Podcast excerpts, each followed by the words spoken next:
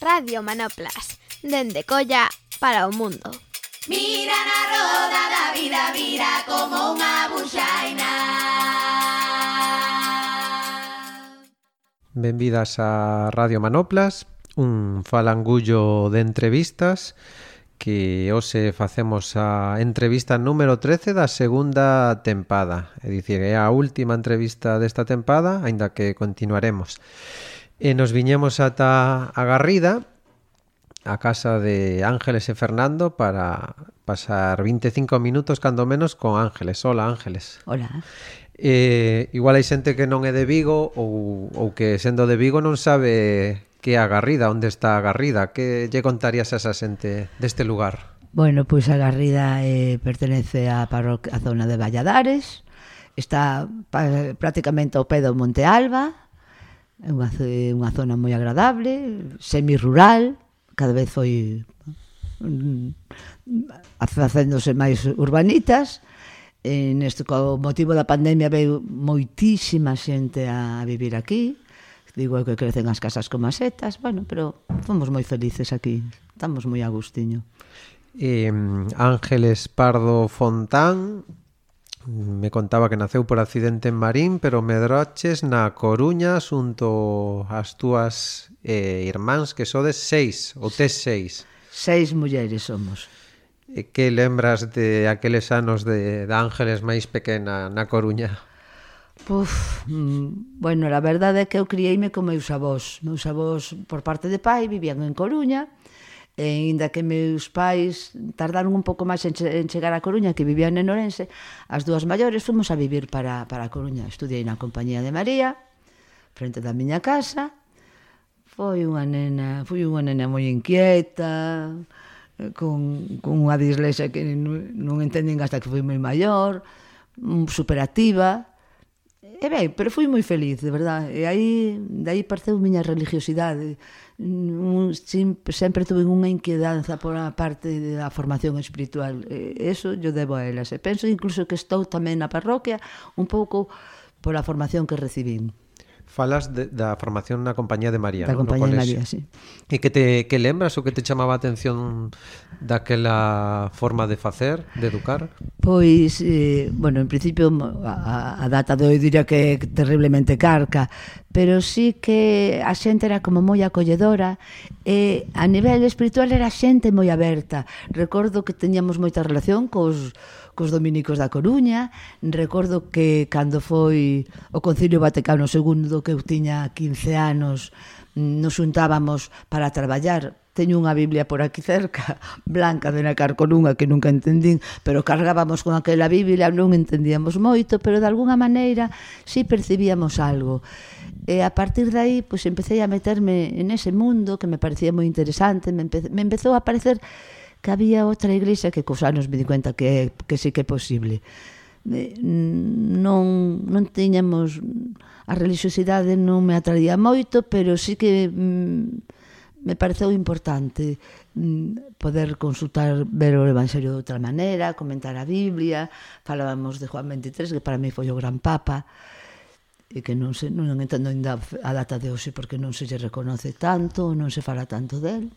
E ben, Non pode dicir nada máis. E, eh, e eh, eh, xa antes de chegar a Vigo, estabas vencellada unida a unha igresa eh, máis de carácter popular ou máis eh, progresista, non sei como chamala, ou, ou, ou non é así? Sí, mm, penso que sí, porque nós despois de, de vivir na Coruña marchamos a vivir recién casados, que xa me casei con 24 anos, fuimos a vivir a Madrid, Entón, a experiencia de Madrid tamén selloume moito.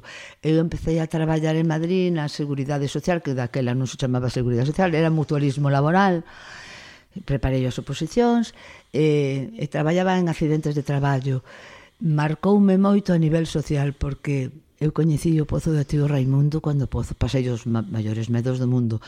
Tiña un día en seis, pasaba máis medo que a vez que iba ali, e coñeci en Vallecas bueno, que non ten nada que ver coa Vallecas de, de agora, pero sí que é certo que, que sempre me sentime moi acollida, e aí eu non sei moi ben por que fixen traballo social, quizá porque alguén me dixo que era algo social e a mí o social me atraía, pero tampouco sei moi ben. Eh, eh, Pero... E, e que lembras de estudaches na, en Santiago, ¿no? en uh -huh. Compostela? Que lembras da túa época universitaria estudando traballo social? Claro, a mí, eh, época universitaria, a mí me tocou pois, a época de, dos grises a caballo. Entón, mm, eh, estaba en unha escola privada, porque eh, eclesiástica, e tamén eran bastante carcas, pero bueno. Mm, eh, eh, pero, sin embargo, os movimentos políticos sí que xa empezaban. Tiñamos amigos, eh, os grises que non podían daquela entrar na, na universidade chegaban a entrar, había un montón de manifestacións, e aí empecé xa a, a meterme no tema político, a interesarme que, que era fachas, tal. Ademais, eh, eh, despois cos anos tuve sorte porque me coincidiu porque viví en Madrid a morte de Franco o a, tamén viví eh, o atentado de Carrero Blanco que me parece que foi o mellor que poderon facer os da ETA que aínda que sexa unha barbaridade porque senón tiñamos presidente para largo. Mm, tamén eh, o da Tocha eh, a matanza da Tocha e todas esas cosas iban influendo e tiñamos amigos que tamén eran amigos de Fernando que, que eran tamén 14 irmáns, que eran doreses, que mm, eran, teñan unha religiosidade tamén aberta. E recordo que íbamos a unhas misas, non, sei, non había misa pola tarde daquela, pero había unhas misas na cidade universitaria que a seis da tarde os sábados e ali íbamos e nos juntábamos un grupo de xente que máis ben que misa penso que era xente de esquerdas ou que de alguna maneira se estaba. Parte activa activa non cheguei a formar pero sí que penso que dai empezou a, a unha semente que sí que me, me interesaba. E despois vimos para Vigo. E, e a parte política eh, identificas que algo na túa familia veña dos teus posicionamentos políticos daquela e da actualidade ou non? Pois non te podo decir, porque bueno, sí te podo decir. Eh, miña familia non se manifestaba políticamente en aquel momento porque non se podía manifestar, eran unha clase media-media ou media-baixa, se queres, pero pero con unha inquiedanza. E un, un, un irmán ou un cuñado de meu avó con el cual vivía eh, eh, foi pre, foi eh, viviu en Toledo cando cando na época da República e foi gobernador, el último gobernador de de Toledo republicano.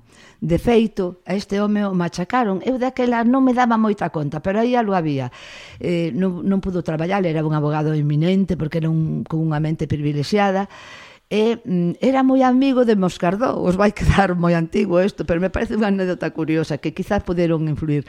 Era amigo de Moscardó e meu amo me contaba que cada mes ou así iba a policía a, a vaciarlle a biblioteca e mirar todo. E en unha ocasión quixeron meterlo na cárcel, pero tiña unha fotografía de Moscardó que lle decía a meu gran amigo Manuel María eh, firmado por Moscardó. E eso salvou. Que pasou? Que este Moscardó debeu de ser amigo, inda que biolóxicamente penso que tenían que ser distintos, senón non me encaixa. Moscardó era amigo del eh, eh, cando foi que iban tal, o chamou e dixo, refúxate no Alcázar. De feito, é curioso porque se refuxou no Alcázar e ten a laureada de San Fernando. Era un tío máis de izquierdas imposible. E quizá as súas fillas quizai, pois de alguna maneira transmitiron algo. Non, o sei, era moi pequena, pero bueno, que penso que son antecedentes familiares que además no, normalmente non recordo, non sei se yo contei a miñas fillas, pero que son experiencias, eu que sei. Eh, e despois ti viviches eh, todo o proceso de creación da administración autonómica, traballaches na Xunta moitos anos. Sí. Como viviches todos eses anos no que entendo que cambiaches moito de departamentos, pero últimamente mm. ligado á política social, non? Mm, efectivamente. Eu, te, eu canalizaba todo vía social porque a Xunta nunca tuvo oportunidade de, de mente abierta, sempre foi facha, sempre se traballou, pero bueno, hai unha cousa que sempre que, que me anima eh, eu vivín a evolución da Seguridade Social. E partimos dunha Seguridade Social que non existía, que non había nada, e, e que recordo buscar xente cando estaba traballando en mutualidades que estuviera afiliada ao retiro obrero ou xente sobre todo de, de, de a conserveira que con que aparecera un día ou apuntado en un listado o tal teñan derecho á primeira pensión que se chamaba o SOBE que era Seguro Obligatorio de Vejez e Invalidez Entón, a partir de aí, empezou a xente a cotizar, a cotizar, e, pues, e, e claro, a mí me dá rabia ahora cando reivindicamos, digo, é que se fixo unha estrutura de seguridade social moi amplia. E cando a veces nos desanimamos e decimos, isto se va que non, se naceu da nada, eu sou un optimista por naturaleza. Se, se algo naceu prácticamente da nada en un momento da posguerra e tal e cual, penso que, que nada está perdido, hai que seguir loitando e animándonos, non sei non sei o que me preguntaste que se me foi a idea. Eh, sí, que sí, moi, moi claro. eh, Outro, outro elemento moi importante é son vivíchedes un tempo en Colla e aí entrachedes en contacto coa comunidade do Cristo da Victoria. Así unha pregunta, unha resposta moi ampla, pero a pregunta sería que cambiou en Ángeles, en Ángeles a, a, a relación ou entrar en contacto con, con esa comunidade, facer parte dela? Bueno, a mí realmente eh, foi un cambio de vida total. Eh, viñamos de Madrid, estábamos un pouco desorientados, eh, non había parroquia do Cristo de Vitoria, había un, un cuartucho que era unha especie de, bueno, non sei, de, de, de almacén ou que fose, que ali mm, e, e, e sí, sí que existía o instituto. Nada, chegou un día Manolo Sordo, teño que decirlo, pois a miña casa, non sei por que, Manolo sempre foi moi especial, e dixo, chamou a porta e digo, sou o párroco daqui do Cristo da Vitoria que sei que viñestedes a vivir aquí, non sei como se enterou que fóramos a vivir e que sodes novos, e recordo que dixe, ah, que estupendo, nos, Fernando máis eu vimos o ceo aberto, dicimos, bueno, que xente tan acogedora, que gusto poder vivir en Galicia. Eh, en Vigo, que además ningún dos dous éramos de Vigo, pero que, que, que Vigo que teñía fama de, de, de cidade fría, que nos acollera alguén así, de acordo que pasou, nadie quédate a cenar, me acordo que lle dixemos, mira, nesta casa un huevo frito sempre hai, e que quedou a cenar con nos. E xa me, me preguntou que facía, que era traballadora social, en pouco tempo empecé a traballar, a colaborar que a traballar, a colaborar na parroquia. Daquela estaba Mm, creo que Concha Álvarez de la Peña, porque Emilio traballaba en Cáritas, e creo que despois estaba Tere Lejerén. E despois vino esta chica vasca, que non me acordo como se chama. Bueno, non me acordo. Eh, que estuvo moito moitos anos, e Manuel, me pediron que lle botaron a man, bueno, máis que nada, eh, iba a pasarlo ben, o pasaba ben, coñecía a xente, as relacións sociais sempre se me deron ben, ben. E así empecé. Aí seguiches eh, afondando no compromiso sociopolítico asetivado dende a fe, dende, non? Dende dende o evanseo. Eh, moitas veces falamos do futuro que ten, bueno, a, a, a religión, as religións e tamén o proxecto máis en concreto da comunidade. Eh, ti como ves o futuro de, bueno, da, da religión ou, ou do cristianismo e tamén dunha comunidade como é a do Cristo da Victoria? Mira, a mí me parece que eh, a, cando descubrimos que había unha igrexa que podía ser de esquerdas, que loitaba por, por os dereitos de esquerdas, que non é cuestión ni de esquerdas, ni de dereitos, por, por, pola justiza, e atopamos da igrexa Fernando Maiseu, quedamos encantados. De feito, Fernando non entrou comigo na parroquia, tardou anos, e me, en aquel, daquel entonces creo que faltaban catequistas e ali me metín. E despois Fernando sempre decía que era catequista consorte, bueno, total, que acabamos enganchándonos porque porque valía a pena o proxecto. Eh, non ten, penso que, que o, este proxecto non ten por que terminar penso que se pode reconvertir. Mm, sempre digo cando nos reunimos en comunidade en nuestro grupo que non, non eran doce que eran cinco, seis non tiñan por que ser dos apóstoles. Eso aprendino, aprendino dos frailes e das monxas, aprendido da comunidade, eh? non aprendí, me ensinaron así. Eran cinco seis, e cinco seis foron capaces de sacar adiante, e moitos siglos despois seguimos falando.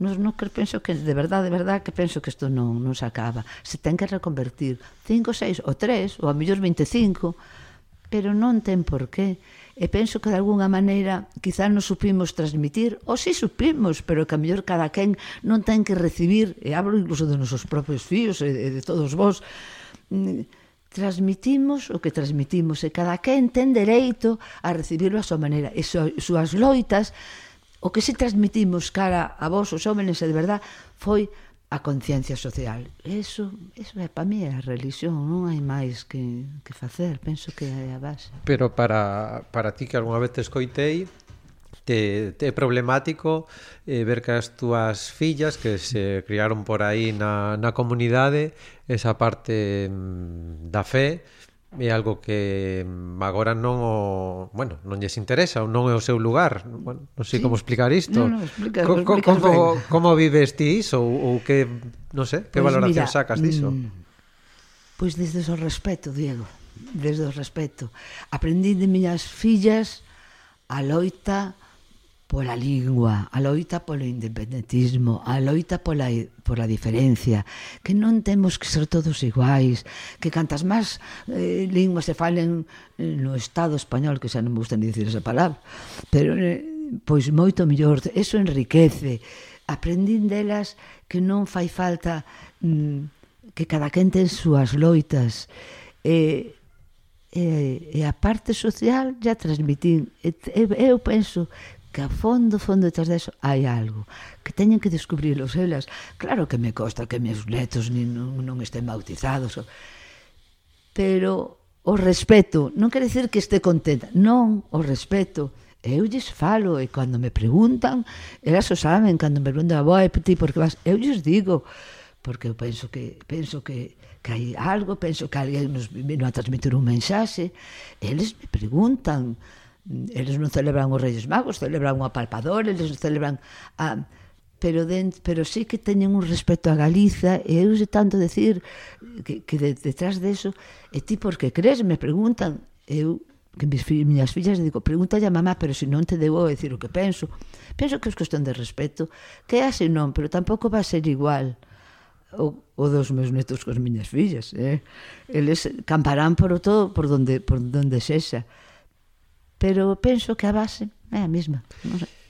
Eh, nomeabas agora eh, antes de comezar a gravar te, te preguntaba ou te dicía que un tema que me interesaba falar contigo era o independentismo porque me parece moi chulo na, na túa historia de vida que intentachedes transmitir e transmitichedes as vosas fillas, netos, aos vosos valores, a algo que vos interesaba, pero tamén me parece moi bonito a devolución que as vosas fillas eh, vos deron sobre eh, eh, tamén o que vos collichedes de, de un mundo que era yo a vos e eh, que tivechedes que atendelo e eh, eh, estar moi preto del que é o mundo do independentismo aquí na Galiza que como valoras ti todo toda esa situación? Mira, non foi nada fácil. Con moito dor. Sufrimos a intemerata eh, chorei o que non te podes ni imaginar. Mm, recorrimos prácticamente todas as cárceres de pero aprendín, aprendín que, que Xesús de Nazaret tamén está aí e que tamén é un compromiso máis. Aprendín delas todo, aprendín a falar galego. De toda a familia creo que Fernando máis eu somos os que peor o falamos, pero pero foi unha loita que eles nos enseñaron. Aprendimos a respetar, aprendimos a ver que a, que a esquerda vale a pena, que temos unha, un, un, unha Galiza preciosa, maravillosa e que é nosa. Síntome máis portuguesa que española. Todo eso aprendino, aprendino delas. Aprendín a loitar polo que consideraba xusto. Fui a manifestacións que había 20 rapaces e 20 grilleras. E eh, catro pais ali bailando, jugando a tute. Mm pero creo que me fixo ser máis persoa e entender que a loita se fai desde a espiritualidade, desde a loita social, desde todas as partes. Aprender a respetar a muller moitísimo nesta casa. Primeiro, pois, me foi fácil, porque al ser familia de mulleres non me complicou moito.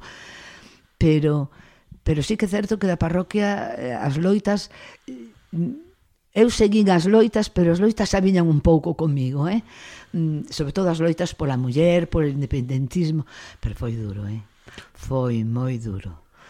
E fixen algunhas cousas que estuveron ben, outras que estuveron mal. Ahora que son maiores me van contando, cando estaban non sei onde, que se tenían que dispersar, que, que iban a un monte. Recordo unha voz que unha vez que Isabela me decía, mm, estaban perdidos, me parece que por por Sanabria, por non sei onde, estaban perdidos e non eran capaces de hablar moito e decían, non vos preocupedes que miña nai, tal como é, mobiliza a policía se perdidos, pero se non chego, se ás 12 da noite non cheguei, ela nos busca. Efectivamente, aprendín a estar con elas, aprendín a, máis que nada aprendín a ter a man para que non caeran. De verdad que ainda que non as respetei moitísimo, mordín má lengua, pero pero aprendín a que os pais temos que estar ali sujetando, ensinando que podamos, pero non temos non somos mellores que os fillos, para nada, eh? Para nada, para nada. Eh, falar de independentismo na Galiza, eh, fora da Galiza, falar de represión e para algo que antes falábamos que non tiña o volume non que podía ter noutros territorios, pero tamén supoño que mm, que foi moi duro estar preto de rapazada porque son todo mozos e mozas as que aínda moitos delas, delas e deles están nas cadeas por defender un proxecto algunos pode parecer mellor ou peor pero o que non podemos eh, poñer en dúbida é a, a forza non? A agresión, a violencia coa que foron respondidas, non? E vos estabades moi preto sempre desas realidades. A verdad que sí, foi, foi, foi duro, foi... Es que foi difícil, non te podo decir... Era cuestión de... Eu penso que hai que estar onde hai que estar e cando tens que estar. Non queda outra. Estábamos no momento que nosas fillas estaban... E logo, tampouco nos entendían tan facilmente, porque eh, a xente... Eh, mm, separa e, e non entende tampouco que ti teñas que estar, por suposto, nosa comunidade nos apoiou sempre, sempre estuveron aí, sempre, pero que tamén a veces tiñamos hasta medo, tuvimos os teléfonos intervenidos, estou segura, fixemos moitísimas cosas, pero eles nos transmitiron esa dureza do independentismo, ver uns rapaces jóvenes que, que, están, que están ben, incluso algún rapaz do barrio que sempre te, teño que decirlo, Teto, que sigue na cárcel con veintitantos anos, que foi compañero de, de meu xenro Paulo, que traballou con el, que, que que foi un, un, un rapaz que vale a pena conocer con uns valores o, o mesmo usío mm, que, que traballou que, que fixo dúas carreras na, que tuvo a Porto que, que encima te fala da cárcel como momento de reflexión del de poder estudiar que eso sí, non participou ninguna actividade da cárcere. E que a xente non o ve, non, non, hai que entendelos. Súa loita era esa, estar ali, estudiar, prepararse. E, e con que agarimo todo o, re, o resto da xente independentista, en concreto falo de Vigo, pero bueno, fun a manifestacións a Coruña, en Ferrol tamén había unha movida tremenda. Ver esa xente que veñen que, ven, que viñen aquí, que, que están apoyando, que, que se, semana tras semana os visitan na cárcere, é que non se conta, e son chavales que tamén saíron da parroquia. Mm, mm, realmente tuve xente aquí na casa da ETA, claro que aquí, aquí na Garrida estuveron xente, claro que estuveron porque estaban conectados, certo que tiñan os mellores abogados, estuveron aquí, pero con unha naturalidade, de verdad que eran xente moi humana, eran xente, bueno, pues, que, que podes querer tanto máis que a xente de, de, da parroquia e xente da comunidade, bueno, penso que mira, son unha privilexiada.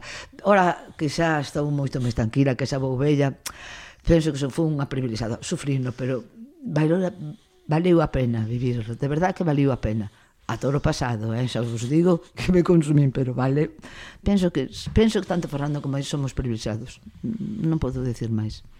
E eh, detrás eh... desto estaba sempre a parroquia, de verdade que sí, eh non entendían a veces, non sen, non tendo como con que eles de, es que es que non é, pero de algunha maneira algo transmitín porque tamén eles entenden, non, é que Ángeles e Fernando recordo unha anécdota moi pequeniña íbamos en unha manifestación e íbamos unha pancarta do Comité Oscar Romero eu teño que contar porque me pareceu precioso levábamos unha pancarta, estábamos de comisións obreras e queríamos meternos na manifestación. Entón, non, esos non, que son da, da iglesia, de non sei que, do comité Oscar Romero, tal, obispo, tal, cual. E de repente dicen, eh, eh, non, que estos, estos son de colla, son do comité Oscar Romero, pero son de colla, deixarlos meter que esta xente de esquerdas. Bueno, pues fíjate que me sentín tan mente que pues alguén entende, o sea, que algo sempre se aportou, non sei. Menuda chapa que te estoy largando. Eh, eh, no, no, de esto vai. Eh, para, para rematar, Ángeles, eh, eh, che dicía que isto se pecha cando eu pido unha canción coa que queres que, que a xente quede. Que, que queres que soe para rematar o, o programa entrevista? As tempestades de, de ses. Tempestades de sal de, de ses quedará. Pois moitísimas grazas Ángeles por estes 25 minutos. Eh, nada, eh, un gustazo poder escoitar a A Ángeles, además, aquí na súa casa, logo dun bo almorzo e, e de boa compañía. E nada, quedamos a escoitar eh, a SES, e seguímonos a escoitar eh, nos diferentes canles, en iVoox, e Spotify, Archive, e tamén por aí nas redes, en Twitter e Instagram, podedes escoitarnos. Bueno, moitísimas grazas, Ángel. Gracias a ti por compartir a túa vida con nos Música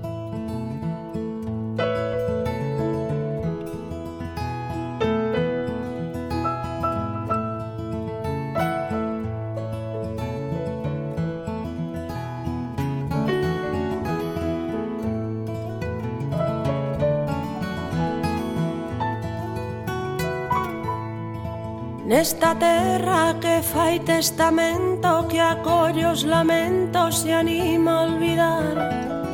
Infectada de sangue usureiro Caciques modernos, mecenas do mal. Vivo dentro dun monte de area Tinguido de brea que non limpa o mar. Que esperanza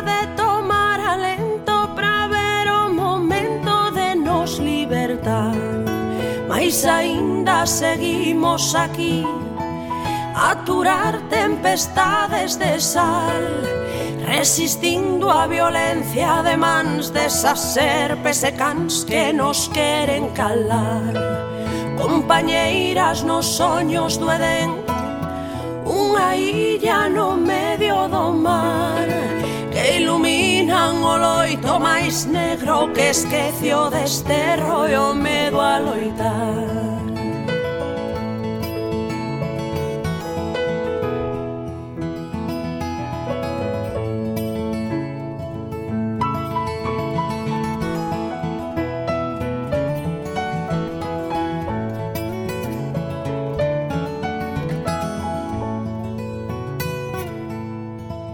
Cando as marcas se gravan a ferro e a dor e a xenreira non deixan sorrir. As penurias van alén da fame, falta identidade que axuda a vivir.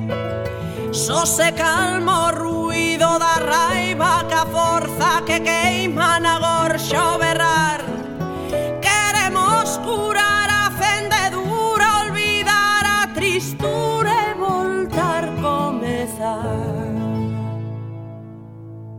Pues ainda seguimos aquí. A durar tempestades del sal, resistindo a violencia de mantes, a ser secans que nos queren calar.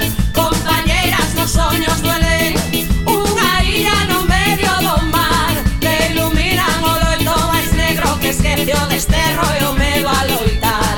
Nesta terra que fai testamento que acollos la